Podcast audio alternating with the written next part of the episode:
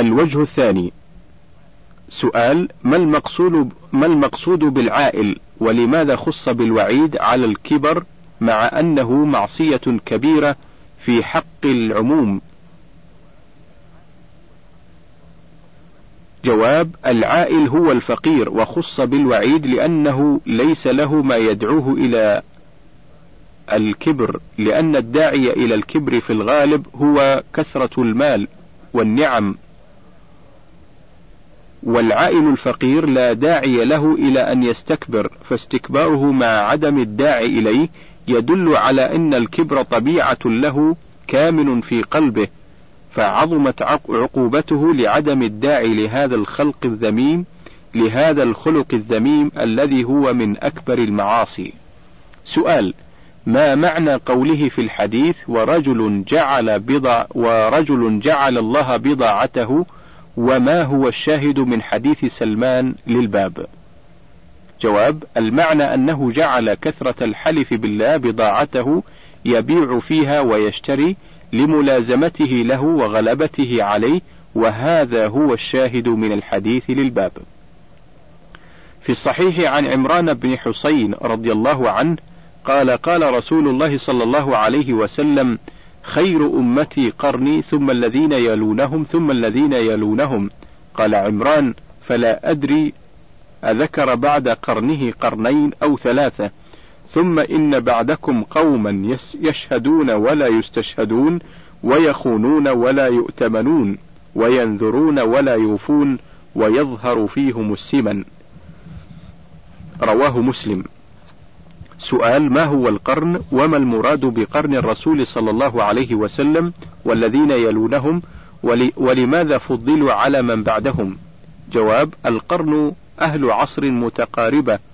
أسنانهم مشتق من الاقتران في الأمر الذي يجمعهم ومدته ومدته مئة سنة وقيل غير ذلك.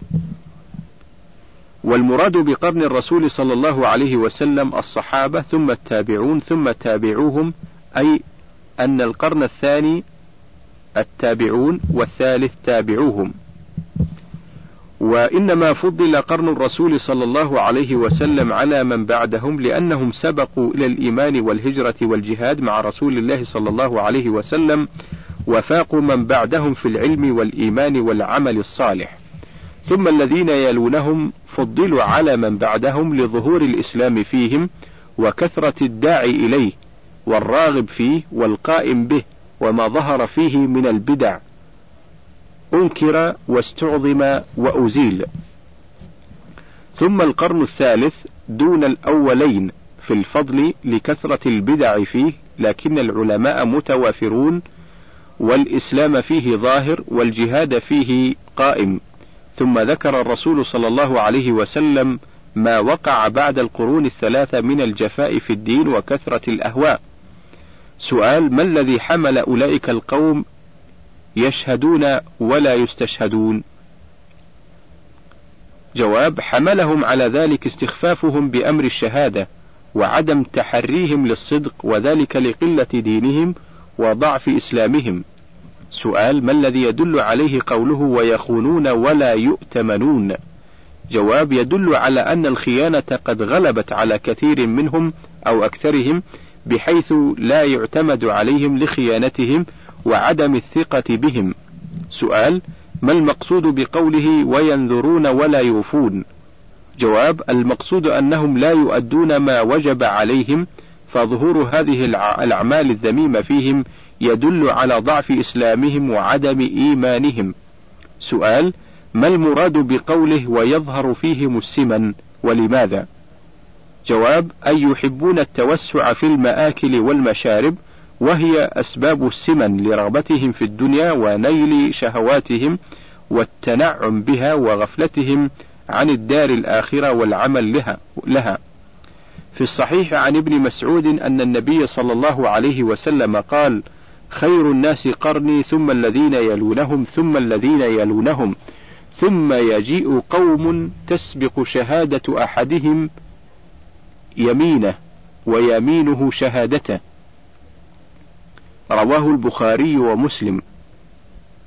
سؤال ما الذي يتضمن هذا الحديث؟ جواب يتضمن ما تضمنه الحديث الذي قبله من تفضيل القرون الثلاثة على من بعدهم.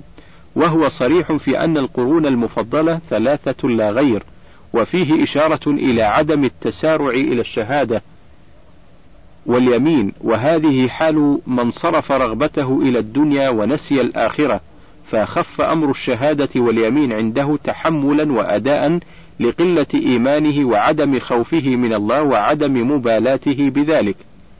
قال المؤلف: وقال إبراهيم كانوا يضربوننا على الشهادة والعهد ونحن صغار. سؤال: من هو إبراهيم؟ ولماذا يضربونهم على ذلك؟ وضح ما تقول.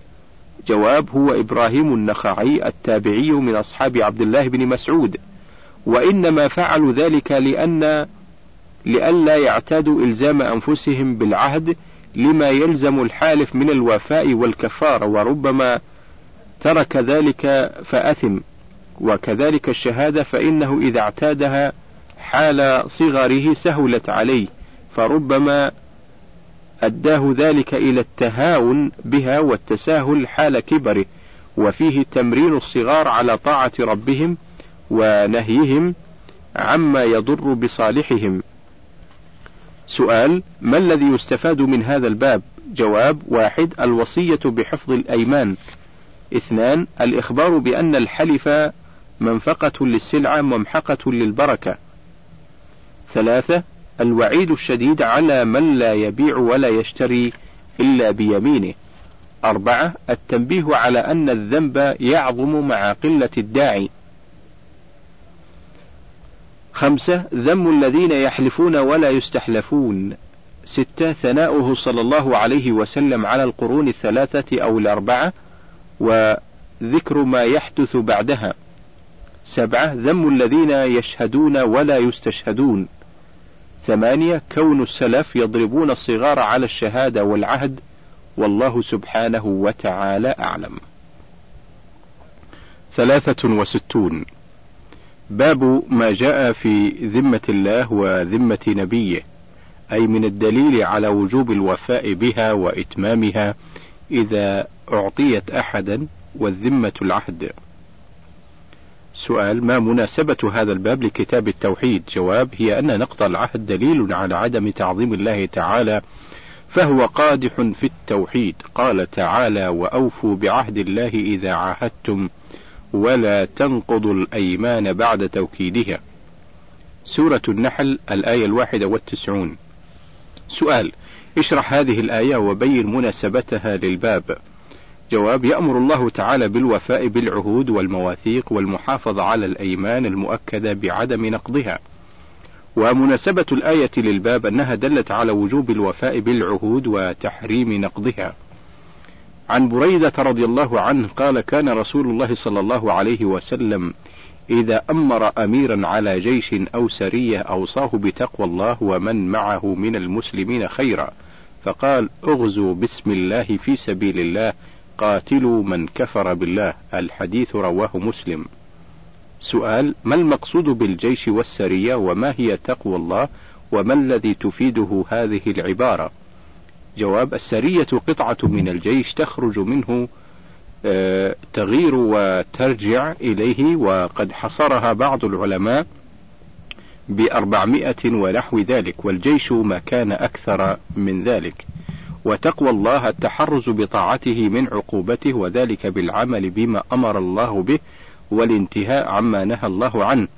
وتفيد هذه العبارة تأمير الأمراء ووصيتهم.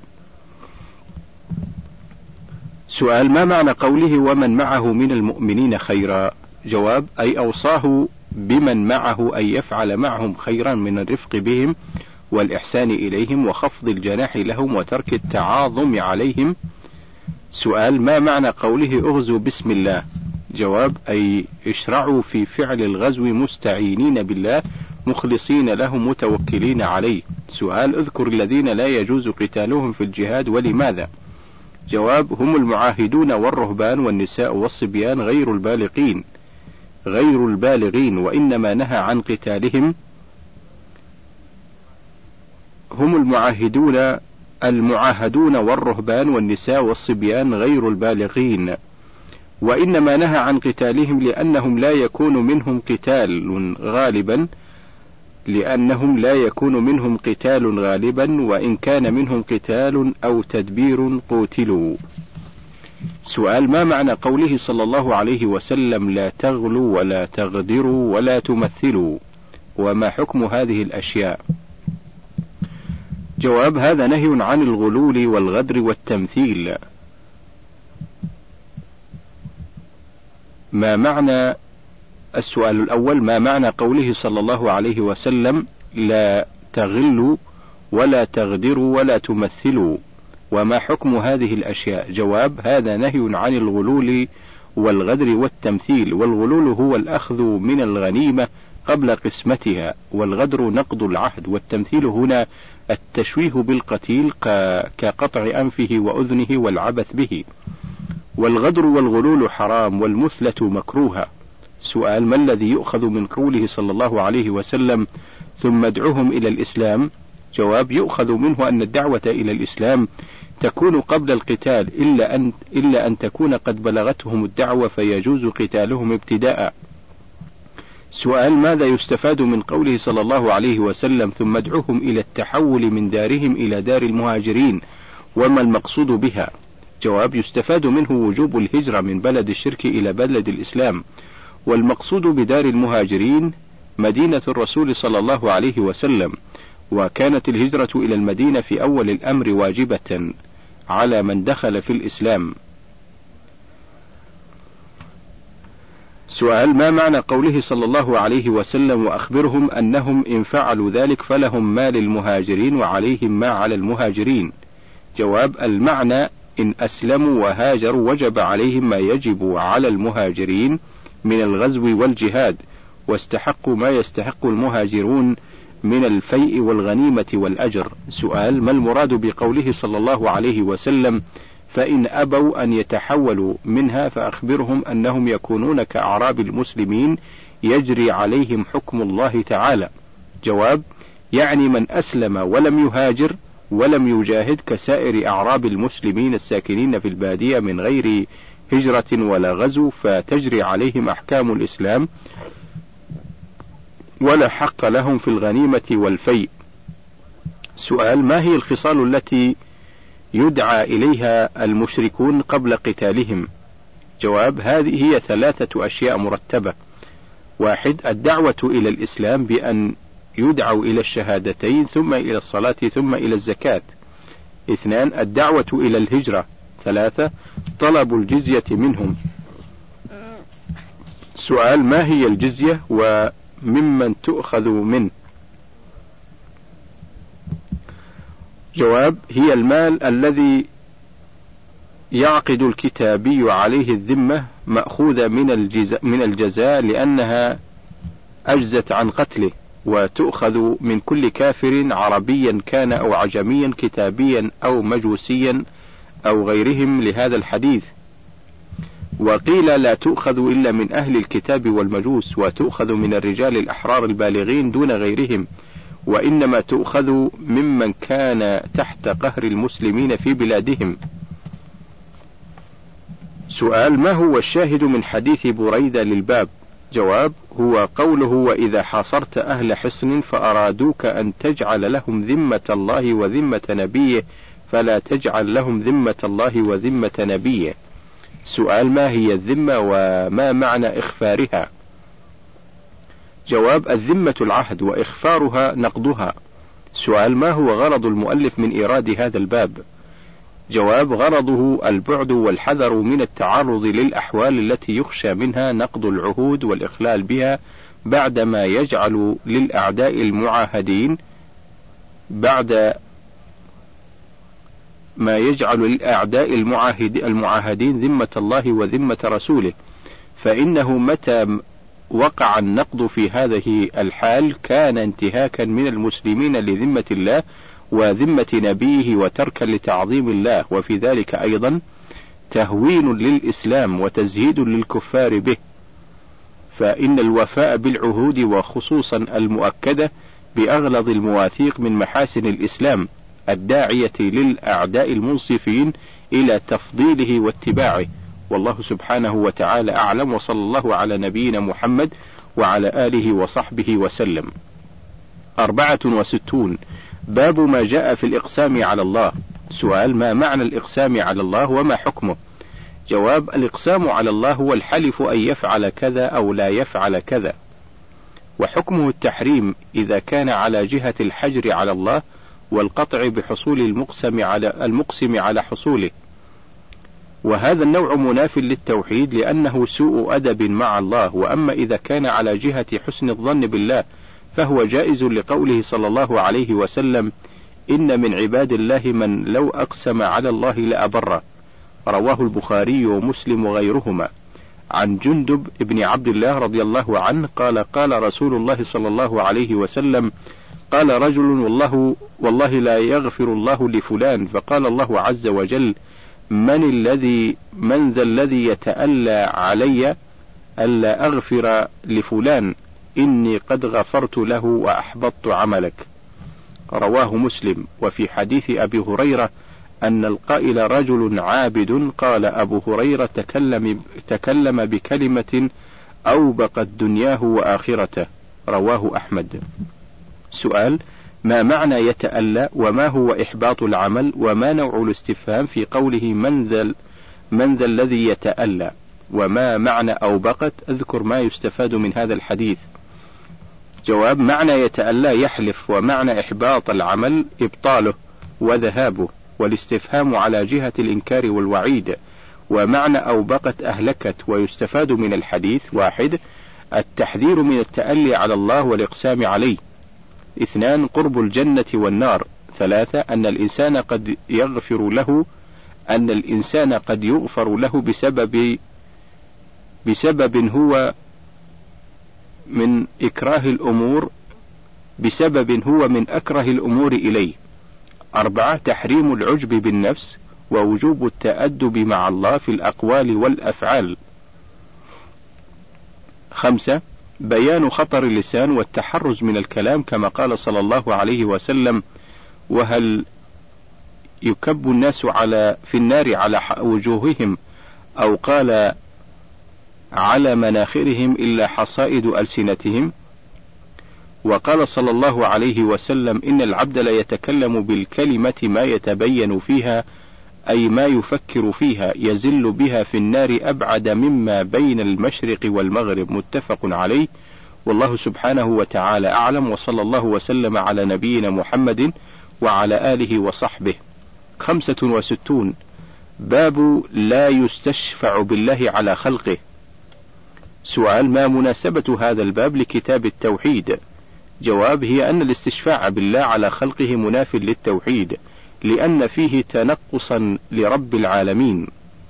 سؤال ما هو الاستشفاع وما حكم الاستشفاع بالله على خلقه مع التعليل؟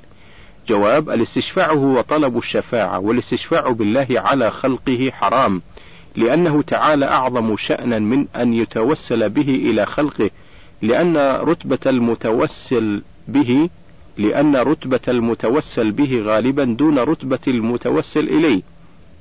وذلك سوء أدب مع الله فيتعين تركه فإن الشفعاء لا يشفعون عنده إلا بإذنه وكلهم يخافونه فكيف يعكس الأمر؟ فيجعل هو الشافع وهو الكبير العظيم الذي خضعت له الرقاب وذلت له الكائنات جميعها.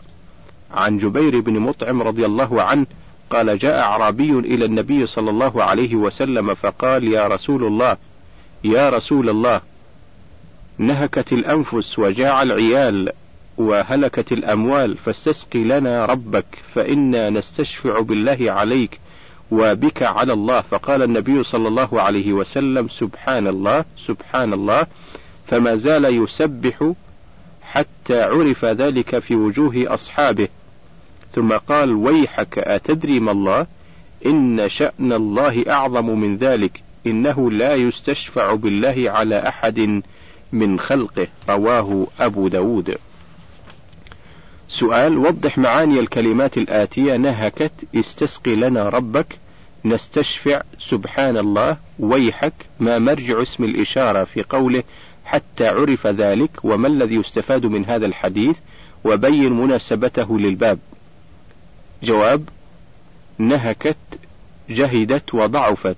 استسقي لنا ربك اسأله لنا السقيا وهي المطر. نستشفع نطلب الشفاعة. سبحان الله تنزيها لله عما يليق به عما لا يليق به. ويحك كلمة تقال للزجر. والإشارة إلى غضب الصحابة لغضب الرسول صلى الله عليه وسلم. ومناسبة الحديث للباب أن النبي صلى الله عليه وسلم أنكر فيه الاستشفاع بالله على خلقه واستعظمه ونهى عنه. ويستفاد منه واحد تحريم الاستشفاع بالله على خلقه لأن شأنه أعظم من ذلك. اثنان إثبات علو الله على خلقه وأن عرشه فوق سماواته لأن في بعض روايات الحديث أن الله فوق عرشه وعرشه فوق سماواته. سؤال ما معنى الاستشفاع بالرسول صلى الله عليه وسلم؟ وما حكمه؟ وهل الاستشفاع خاص به؟ وما الفرق بين الحي والميت في الاستشفاع؟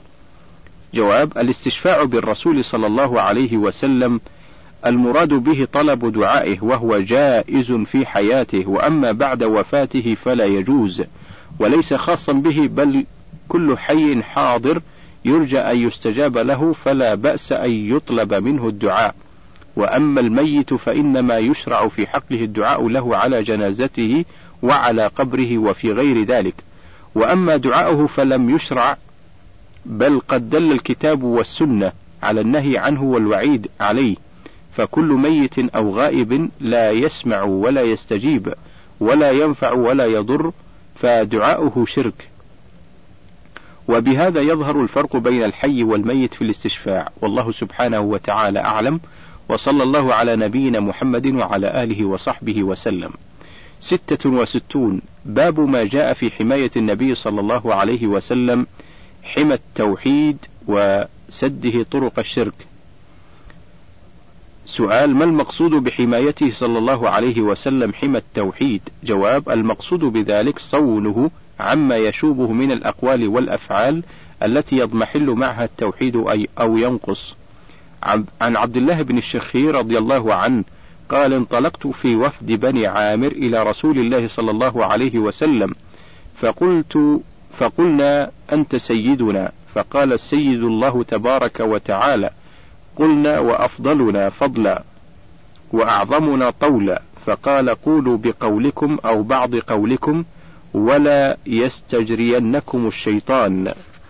رواه أبو داود بسند جيد وللنسائي عن أنس رضي الله عنه أن ناسا قالوا يا رسول الله يا خيرنا وابن خيرنا وسيدنا وابن سيدنا. فقال يا أيها الناس قولوا بقولكم أو بعض قولكم ولا يستهوينكم الشيطان. أنا محمد عبد الله ورسوله ما أحب أن ترفعوني فوق منزلتي التي أنزلني الله عز وجل. سؤال ما معنى قولهم وأفضلنا فضلا وأعظمنا طولا؟ جواب أي أعظمنا شرفا وفضلا وجودا والطول هو الغنى والقدرة والإنعام الواسع. سؤال ما مراد الرسول صلى الله عليه وسلم بقوله السيد الله؟ جواب يريد عليه الصلاة والسلام أن السؤدد الكامل حقيقة لله عز وجل وأن الخلق كلهم عبيد لله. سؤال ما المراد بقوله قولوا بقولكم أو بعض قولكم؟ جواب يعني قولوا بقول أهل دينكم وملتكم وادعوني نبيا ورسولا كما سماني الله في كتابه فقال يا أيها النبي ويا أيها الرسول وقوله أو بعض قولكم أي دعوا بعض قولكم واتركوه. سؤال ما معنى قوله صلى الله عليه وسلم ولا يستجرينكم الشيطان ولا يستهوينكم؟ جواب أي لا يستغلبنكم الشيطان فيتخذكم جريا أي رسولا ووكيلا كأنكم وكلاء الشيطان تنطقونه على لسانه تنطقون على لسانه. ومعنى لا يستهوينكم أي لا يقودنكم إلى ما يهوى من الغلو والبدع. سؤال لماذا نهاهم الرسول صلى الله عليه وسلم عن قولهم أنت سيدنا وأفضلنا وخيرنا وأعظمنا مع أنهم لم يقولوا إلا الحق؟ جواب نهاهم عن ذلك لأن لا يكون وسيلة إلى الغلو فيه والإطراء. وأخبر صلى الله عليه وسلم أن مواجهة المادح للممدوح بالمدح ولو بما هو فيه من عمل الشيطان لما تفضي محبة المدح إليه من تعاظم الممدوح في نفسه وذلك ينافي كمال التوحيد. سؤال: ما حكم إطلاق السيد على الإنسان؟ جواب مختلف فيه فأجازه قوم واحتجوا بقول النبي صلى الله عليه وسلم للأنصار قوموا إلى سيدكم ومنعه قوم واحتجوا بقول النبي صلى الله عليه وسلم السيد الله وروي عنه صلى الله عليه وسلم أنه قال لا تقولوا للمنافق سيد فإنه إن يكن سيدا فقد أسخطتم ربكم عز وجل. رواه أبو داود وإسناده صحيح. سؤال ما الذي يستفاد من هذا الباب؟ جواب يستفاد منه واحد تحذير الناس من الغلو. اثنان كراهة المدح والتحذير منه. ثلاثة شفقته صلى الله عليه وسلم على أمته ورأفته ورحمته بهم. أربعة ما ينبغي أن يقول من قيل له أنت سيدنا. والله سبحانه وتعالى أعلم. سبعة وستون باب ما جاء في قول الله تعالى وما قدر الله حق قدره والأرض جميعا قبضته يوم القيامة والسماوات مطويات بيمينه سبحانه وتعالى عما يشركون. سورة الزمر الآية السابعة والستون. سؤال اشرح هذه الآية وبين مناسبتها لكتاب التوحيد. جواب يقول الله تعالى ما عظم الله حق عظمته ما عظم الله حق عظمته هؤلاء المشركون حيث عبدوا معه غيره فلم يؤمنوا بقدرة الله عليهم وهو العظيم الذي لا أعظم منه والقادر على كل شيء المالك لكل شيء وكل شيء تحت قدرته وقهره.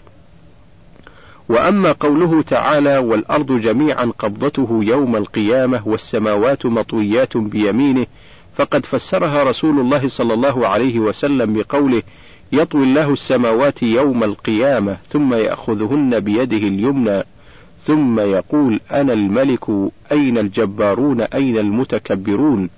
ثم يطوي الأراضين السبع بشماله ثم يقول أنا الملك أين الجبارون أين المتكبرون؟ رواه مسلم. وقال صلى الله عليه وسلم يقبض الله الأرض يوم القيامة ويطوي السماء بيمينه ثم يقول أنا الملك أين ملوك الأرض؟ أخرجه البخاري ومسلم. ومناسبة الكتاب ومناسبة الآية لكتاب التوحيد أنها دلت على أن عبادة غير الله شرك تنافي توحيده وتعظيمه والإيمان به. وروي عن ابن عباس قال ما السماوات السبع والأراضون السبع في كف الرحمن إلا كخردلة في يد أحدكم؟ سؤال ما هي الخردلة؟ وما الذي يدل عليه هذا الحديث؟ جواب الخردلة واحدة الخردل وهي حبة صغيرة جدا كالذي يرى في شعاع الشمس الداخل من النافذة ويدل الحديث واحد على عظمة الله تعالى اثنان على صغر المخلوقات بالنسبة إليه ثلاثة أن السماوات السبع والأراضين السبع ومن فيهن في قبضته وتحت تصرفه وقهره. وقال ابن جرير حدثني يونس أخبرنا ابن وهب قال قال ابن زيد حدثني أبي قال قال رسول الله صلى الله عليه وسلم ما السماوات السبع في الكرسي إلا كدراهم سبعة ألقيت في ترس. قال وقال أبو ذر رضي الله عنه سمعت رسول الله صلى الله عليه وسلم يقول ما الكرسي في العرش إلا كحلقة من حديد ألقيت بين ظهري فلاة من الأرض. سؤال ما هو الترس وما معنى ظهري فلاة وما الذي يدل عليه هذان الحديثان؟ جواب الترس صفحة من فولاذ تحمل لاتقاء الضرب بالسيف ومعنى ظهري فلاة وسط, الف وسط فلاة وهي المفازة ويدل الحديثان واحد على عظم الكرسي بالنسبة للسماوات كما قال تعالى وسع كرسيه السماوات والأرض. اثنان عظم العرش بالنسبة للكرسي. ثلاثة أن العرش غير الكرسي. وعن ابن مسعود قال بين السماء الدنيا والتي تليها خمسمائة عام وبين كل سماء إلى سماء خمسمائة عام. وبين السماء السابعة والكرسي خمسمائة عام وبين الكرسي والماء خمسمائة عام والعرش فوق الماء والله فوق العرش لا يخفى عليه شيء من أعمالكم. أخرجه ابن مهدي والمسعودي قال الحافظ الذهبي وله طرق. وعن العباس بن عبد المطلب رضي الله عنه قال قال رسول الله صلى الله عليه وسلم هل تدرون كم بين السماء والأرض؟ قلنا الله ورسوله أعلم. قال بينهما مسيرة خمسمائة سنة. ومن كل سماء إلى سماء مسيرة خمسمائة سنة. وكثف كل سماء مسيرة خمسمائة سنة. وبين السماء السابعة والعرش بحر بين أسفله وأعلاه كما بين السماء والأرض. والله تعالى فوق ذلك وليس يخفى عليه شيء من أعمال بني آدم. أخرجه أبو داود وغيره. سؤال اذكر ما يستفاد من هذين الحديثين وبين مناسبتهما للباب. جواب يستفاد منهما. واحد أن بين السماء والأرض مسيرة خمسمائة عام. اثنان أن ما بين كل سماء إلى سماء خمسمائة عام. ثلاثة أن كث أي سمك كل سماء خمسمائة عام. أربعة أن بين السماء السابعة والكرسي خمسمائة عام. خمسة أن بين الكرسي والماء خمسمائة عام. ستة أن البحر الذي فوق السماوات بين أسفله وأعلاه خمسمائة عام. سبعة أن العرش فوق الماء. ثمانية أن الله تعالى فوق العرش. تسعة أنه تعالى مطلع على عباده يعلم ما هم عاملون ولا يخفى عليه شيء من ذلك. ومناسبة الحديثين للباب أن فيهما دلالة على عظمة الله تعالى وكماله وكبريائه وعظيم قدرته وعظم مخلوقاته. والله أعلم وصلى الله على محمد وعلى آله وصحبه وسلم. والحمد لله رب العالمين حمدا كثيرا طيبا مباركا فيه كما يحب ربنا ويرضى وكما ينبغي لجلاله وعظيم سلطانه. وبهذا انتهى كتاب الجامع الفريد للأسئلة والأجوبة على كتاب التوحيد. من تأليف الشيخ عبد الله بن جار الله بن إبراهيم الجار الله يوم الأربعاء الخامس والعشرين من شهر جماد الآخرة من عام عشرين وأربعمائة ألف للهجرة. والحمد لله رب العالمين. قرأه عليكم عبد اللطيف بن محمد الغامدي. والسلام عليكم ورحمة الله وبركاته.